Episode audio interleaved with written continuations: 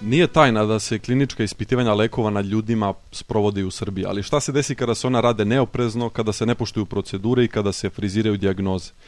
Najnovije istraživanje Birna bacilo je svetlo na neurološki lek u kome CNN bruji već četiri godine zbog njegovih neželjenih efekata. Sa mnom je moja koleginica i autorka ove priče Jelena Zorić koja će nam reći zašto je u početku odobreno ispitivanje ovog leka, a, spornog leka, a onda zašto je, je prekinula. E, prva stvar je da je neko uopšte pokušao, da nekome uopšte palo na pamet da provede kliničku studiju u domu zdravlja. Važna stvar koju nam svi kažu i za koje mi takođe nismo našli dokaze da se suprotno dogodilo, svi nadležni su nam rekli da nikada ni jedan pacijent nije dobio taj lek, da zapravo pravo istraživanje nije ni započeto na taj način, da nisu bili korisnici tog leka koji ima opasne neželjene, e, da kažemo, pojave e, i da To je druga stvar, a treća stvar je da se u tom periodu desilo upisivanje lažnih dijagnoza. Zapravo, štancovanje pacijenata, Zašto su upisivane uh, lažne dijagnoze? Niko sa sigurnošću ne zna. Ali i rukovodstvo Doma zdravlja Palilo, dakle direktor s kojim smo razgovarali i svi naši izvori i kao što i dokumentacija pokazuje, pokazuje da se preklapaju period kada je započeto kao istraživanje, pokušaj istraživanja kliničke studije jednog leka i kada se krenulo sa upisivanjem lažnih psihijatrijskih dijagnoza pacijentima. Takozvano friziranje dijagnoza. Takozvano friziranje tih dijagnoza. Psihijatar koji se u ovom tekstu na, uh, koga mi ovde ovaj, navodimo je mm -hmm. nekih ispunio tu kvotu za ovo kliničko ispitivanje od 300 pacijenata. 600 zapravo. 600, da, jer on je 300 pa 300, 300. Da pa 300. Dakle, šta su tebi rekli ljudi koji... 300, su... 300 pacijenata istraživačka grupa, 300 pacijenata kontrolna grupa. Mm. Šta, šta su mi rekli? Šta su ti rekli uh, ti ljudi kojima su frizirane dijagnoze? Verujem da su besni, verujem da su posramljeni, ali razočarani jer, jer im je lekar u koga su verovali na kraju izneverio poverenje. Uh, ono što je najgore, što niko ne zna, uh, vidi Aleksa, niko ne zna koliko ima pacijenata kojima su upisane lažne dijagnoze.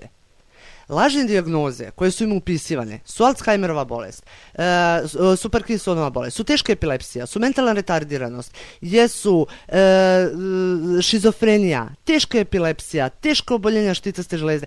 Znači, E, genetske bolesti, teške genetske bolesti, bolesti su im takođe upisivane. I oni, sad neki od njih bi mogli da odu u penziju, ali zato s druge strane neki ne mogu da polože vozački. Znači raznim, e, o raznim da godištima govorim. Ne mogu da nađu posao, pogotovo ne u inostranstvu. Ne mogu da, deca njihova neće recimo moći da rade u vojsci, policiji, bi, ako neko bude želeo. Neće moći da rade zato što tamo ide, proverava se i mama, tata, baba, dedo, čega su bolovali. Da li je neko? On je, on je to ljudima upisivao i niko ne zna koliki je broj. Godišnje je doktor Miljatović primao oko 2000 pacijenata. Oni koji su saznali za to su užasno besni, e, imali su posledice, već su osetili. Banalne posledice tipa ne možeš da polažeš vozački ispit ili ne možeš da dobiješ vizu da odeš da radiš u stranoj kompaniji u inostranstvu. A imamo i one koji su od nas saznali da su im, recimo jedna žena je od mene saznala da je upisano da ima teško, težak oblik Alzheimera. Dakle, završnu fazu. Ona bi žena bukvalno trebalo da umire u agoniji po onome što je on njoj napisao, a ona od mene saznaje to. I onda od mene saznaje da je izbrisana dijagnoza, da je niko nije obavestio. Vidi, možda bi bilo rešenje kada bi se uradila revizija svih njegovih slučajeva, kada bi se svi pacijenti pozvali da otvore svoje, da zatraže otvaranje svojih kartona, reviziju uh, tih slučajeva i onda kada se i brišu te bolesti, da se upiše napomena da, je zloupo, da su bili izloženi zloupotrebi lekara, ali to mora da se uključi tužilaštvo, policija, sud, Recimo, nama je toliko toga ima u ovoj priči, čitav sistem je pao u ovoj priči, pa nije pao samo zdravstveni sistem u ovoj priči, sve je palo. Znači, mi imamo podatak da je slučaj prijavljen policiji u aprilu, martu, aprilu, početkom godine, da niko nije reagovao, zapravo da su u policiji rekli da ne mogu da postupaju, hapse, istražuju, jer nemaju odobrenje svrha. A šta ćemo s ljudima? Znači, gomila ljudi, vidite, a vidi Aleksa, to se dešavalo i tokom korone.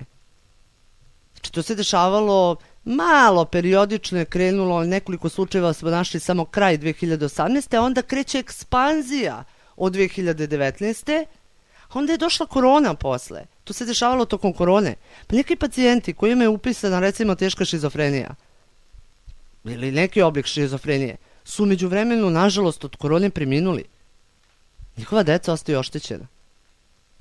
Dakle, svi neko mora da se u ovoj zemlji založi za svoje građane i da izvrši reviziju svih kartona, pa čak i pacijenta, pacijenata koji su među vremenu preminuli, da se pozovu njihovi naslednici, da se upišu posebne napomene, da su bili izloženi zloupotrebi, ali u zloupotrebu treba da dokažu policija i tužilaštvo i da sud na kraju presudi. Dakle, moramo čitav jedan proces da imamo. Mora Lekarska komora Srbije da se uključi.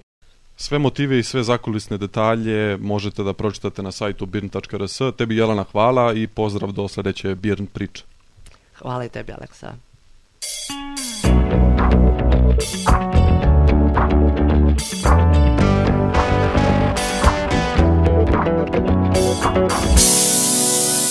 Birn